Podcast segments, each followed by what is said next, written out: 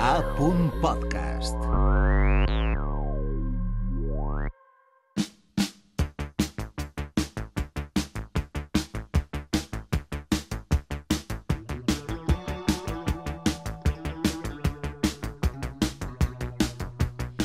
Arriba el moment de parlar de distopies amb l'escriptor i periodista Joan Tur. Molt bon dia, Joan, com estàs? Bon dia, Clara. Vaig al gra. Què Vinga. et semblaria tindre quatre mesos més o menys sabàtics cada any? Quatre mesos sabàtics? A ningú li amarga un dolç, eh? està clar, però quan dius això de més o menys, ja em puc imaginar que la proposta amaga algun detallet. Una fonamental, en veritat. A Perquè avui vull que imaginem que Sí. durant quatre mesos a l'any Sí. els humans entrarem en hibernació. Mm. D'entrada, haurien d'establir si la hibernació seria voluntària o no i si estaria a abast de tothom. Eh, posem per cas que fora una decisió voluntària. La primera pregunta que podríem fer-nos és si realment ens pagaria la pena. Més enllà de les consideracions més o menys romàntiques, no? de desconnexió que implica hibernar, que no dormir, durant quatre mesos i que de vegades en moments de molta pressió ens podrien resultar atractives, hibernar ens permetria, entre altres coses, viure més temps, Sí. l'alentiment del nostre metabolisme Mhm. frena no? Mhm. a la vegada el procés d'envelliment i ens permet viure més anys amb menys salut. A banda, per exemple, malalties com el càncer també Mhm. trobarien ahir un, un entrebanc per a avançar. L'edat eh, biològica seria menor que la real, no? Podríem dir, una cosa així? Sí, per dir-ho en termes populars, però que també poden ser científics, no? Amb menys desgast durant la vida el mantens més, Més jove. jove, ja clar. diem moltes vegades, ese té molt viscut, a la vida li ha deixat marques a la cara, o jo què sé, està molt desgastat, castigat. Sí, està molt castigat. Sí. En definitiva, Te passa això- factura, això vida. passa factura, no? Sí.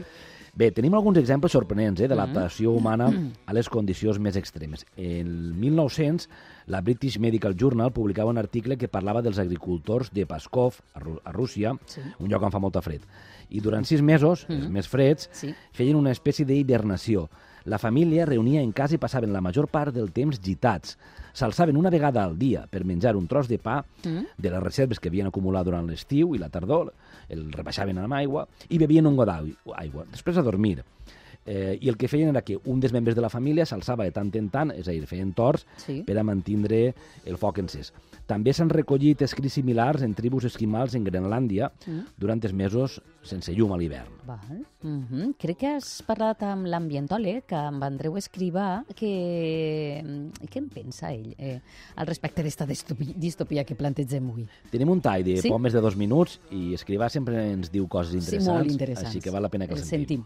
Bo, la possibilitat d'hibernació um, en els éssers humans s'ha vingut discutint des de fa molt de temps, sobretot perquè hi ha animals, des d'insectes fins a mamífers grans, com, com l'os, que, que tenen períodes més o menys, diríem, d'hibernació, d'alguna manera de, de, de letàrgia de, en els quals l'activitat baixa moltíssim i és una estratègia evolutiva molt interessant que els éssers humans no hem necessitat i que tanmateix podria bueno, pues, constituir no? un, un, un, una cosa desitjable no? per a molta gent que diu, bueno, pues jo hiverne durant aquesta temporada que no m'interessa res el que passe, o també fins i tot com una forma d'allargar la vida.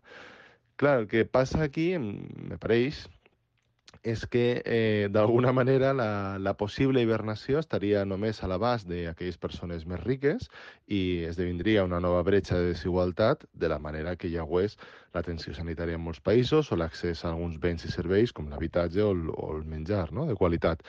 Llavors, eh, clar, sabem que els més rics són els que més causen la degradació ambiental i en particular el canvi climàtic no crec que fora res positiu eh, bueno, pues trobar una forma d'extendre la, la vida i l'impacte d'aquestes persones. La veritat és que crec que és més una fantasia de, de ciència-ficció i que si alguna vegada arribem a trobar una via per entrar en hibernació, pot ser, pot ser, sí que li veig, i no soc, no soc expert, sí que li veig més sentit a l'hora de eh, ralentir processos fisiològics que puguen portar a curar algunes malalties. Sabem que n'hi ha malalties que es beneficien d'un metabolisme accelerat i de, i de processos, diríem, de, pues d'acceleració fisiològica, per exemple, el, el càncer, i si trobarem alguna forma de ralentir com funciona el nostre cos, segurament seria, seria positiu, sempre i quan, efectivament, s'aplicara a tota la població i fora un tractament a l'abast de la gent. No? Però hivernar com hivernen altres animals em sembla que continuarà a l'àmbit de la, de la ciència-ficció i que si això alguna vegada arribara a les mans de grans corporacions, com de ben segur estaran probablement eh, tractant d'assolir-ho, eh, seria una, bueno, un, una pedreta més en el, capica, en el camí cap a la distopia i no cap a eh, una utopia.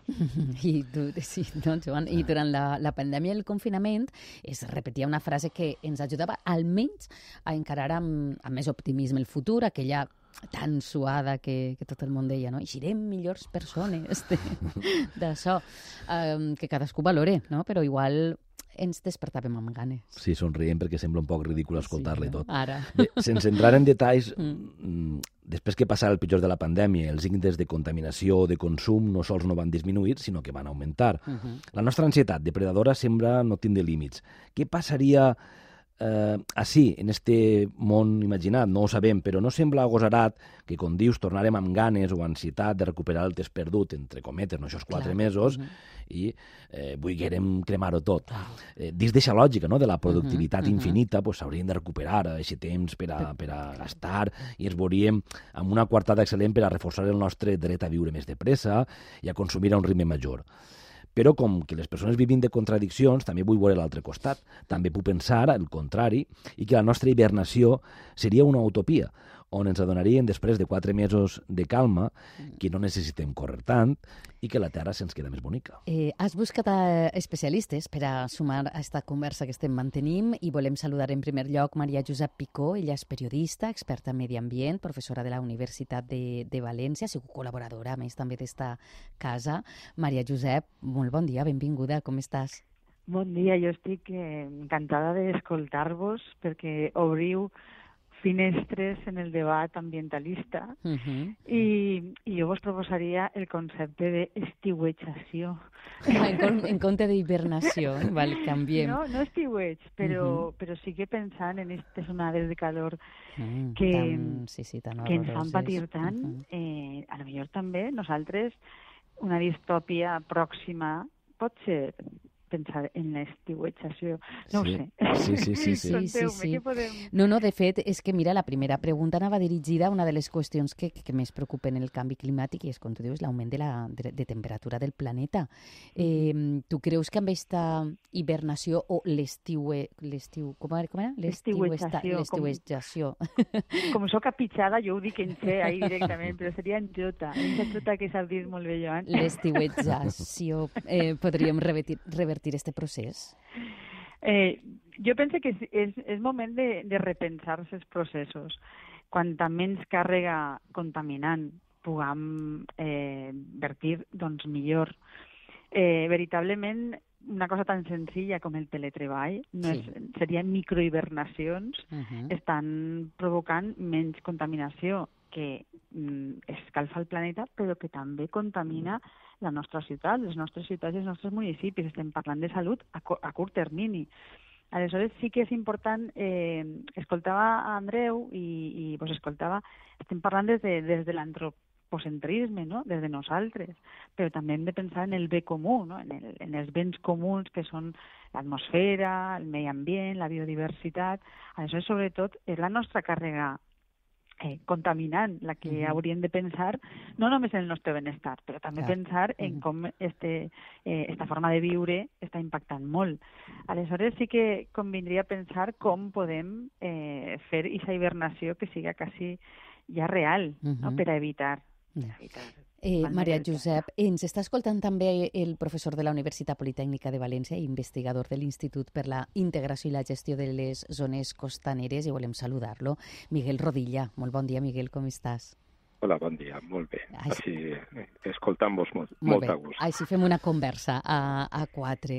Sí, Eh, sí. Eh, per portar-ho a una realitat pròxima, en els últims 70 anys en el Mediterrani, per efecte de l'acció de, del ser humà, quina és la, la degradació que s'ha produït i quants anys hauríem eh, necessitat de manera natural per a, per a arribar a aquest desgast? Eh, mira, eh, no tan sols el Mediterrani, sinó tots els oceans han patit en els últims 70 anys, sobretot per un procés d'acceleració del consum de recursos naturals, de eh, millores en el que coneguem com a benestar humà, pues, eh, eh, una degradació pues, eh, que ha sigut brutal, és a dir, el canvi el canvi és espectacular, és dir, tant com que eh, la gent de certa edat recordem perfectament eh, com era l'ambient, el medi marí, eh, abans d'aixòs canvis tan, tan forts. És a dir, som, estem visquent els canvis en, en primera persona. Eh, I de manera, de manera natural no haguem arribat mai a aquesta situació. És a dir, eh, si no haguem accelerat tot aquest procés, si no estiguérem eh, vivint cada vegada més al prop, a prop del mar, eh, si no estiguem fent tots els vessaments que estem fent, si no estiguem aprofitant els recursos del medi com la pesca eh, de la manera tan, tan intensiva que estem fent, és dir, el sistema estaria pues, en un equilibri eh, adequat i no haguem patit ixa, el canvi brutal. És dir, el sistema té molta capacitat de recuperació, molta resiliència i, per lo tant, eh, no arribaríem a, a veure'l com l'estem veient ara i pues, cada vegada estem més a prop d'una situació irreversible. Maria Josep, uh -huh. eh, pensant sí. en animals i plantes i jugant a fer un poquet de periodisme eh, de futur, bueno, que es fa habitualment, eh, d'especular què passaria. Imaginem este món on parem quatre mesos, tot para quatre mesos. Quin creus que seria el paper dels animals i les plantes, com recuperarien el seu espai i eh, com afectaria això a la recuperació del planeta? Eh, de nou, jo pense que, que tenim una visió molt antropocentrista, o sigui, pensem molt en nosaltres. Les plantes i els animals estan sobrevivint. Quanta menys càrrega, quan menys es canvia el seu ecosistema, doncs ells continuaran. Ho farem veure en pandèmia, que ho hem comentat abans. Aleshores, no és un procés tan ràpid. L'escalfament global és mm, acumulatiu i a, gran, i a gran escala. Perquè parem nosaltres tota la humanitat quatre mesos cada no any, eh? Cada any. Estiuent jo quatre, quatre mesos. Això, vull dir, té més un efecte en nosaltres mateixos que possiblement començaríem a pensar en com és de valuós el nostre temps i en quin és l'impacte, perquè estem partint d'un optimisme tecnològic. Joan, a mi m'encanta l'optimisme. Jo penso que, el, que hem de mirar la sostenibilitat des del punt de vista més, més positiu, no? per, a, per a tindre, si no, l'apocalipsi ens porta a la inacció. Però pensem en aquest optimisme i diem, no, evitaríem malalties o podríem frenar o simplement renunciaríem, renunciaríem a, a temps viscut eh, renunciaríem a veure el canvi de les estacions, si és que n'hi ha en algun moment. ja no ha. És a dir, també és una renúncia de temps, també si la nostra biologia ha de hivernar o estiuejar, o est... no sé com ho he dit. Estiuetjació, eh, bueno, ho he apuntat. Eh, també renunciaríem. Eh, vull dir, el nostre cos, que actualment no està adaptat, eh, per a fer aquests processos també hauria d'adaptar-se. Aleshores, eh, jo pense que, que pensem moltes vegades en, en, la, en els ecosistemes i en la fauna i en la flora, però ells mm, eh, eh, reaccionarien a, a llarg termini. Eh, dic lo dels ecosistemes perquè pensem habitualment en espècies, no? Per, perquè, però els ecosistemes, com les zones humides, estan patint una agressió directa de moltíssimes obres i destrucció directa. Això no ho podrem parar, encara que nosaltres eh, ens quedem tancats. Una, una última cosa, Miguel, en un minut, perquè ja arribem quasi a les 12 i s'acaba el programa. Eh... Ens ha atropellat el temps. Volem, volem un segon episodi. Val, val.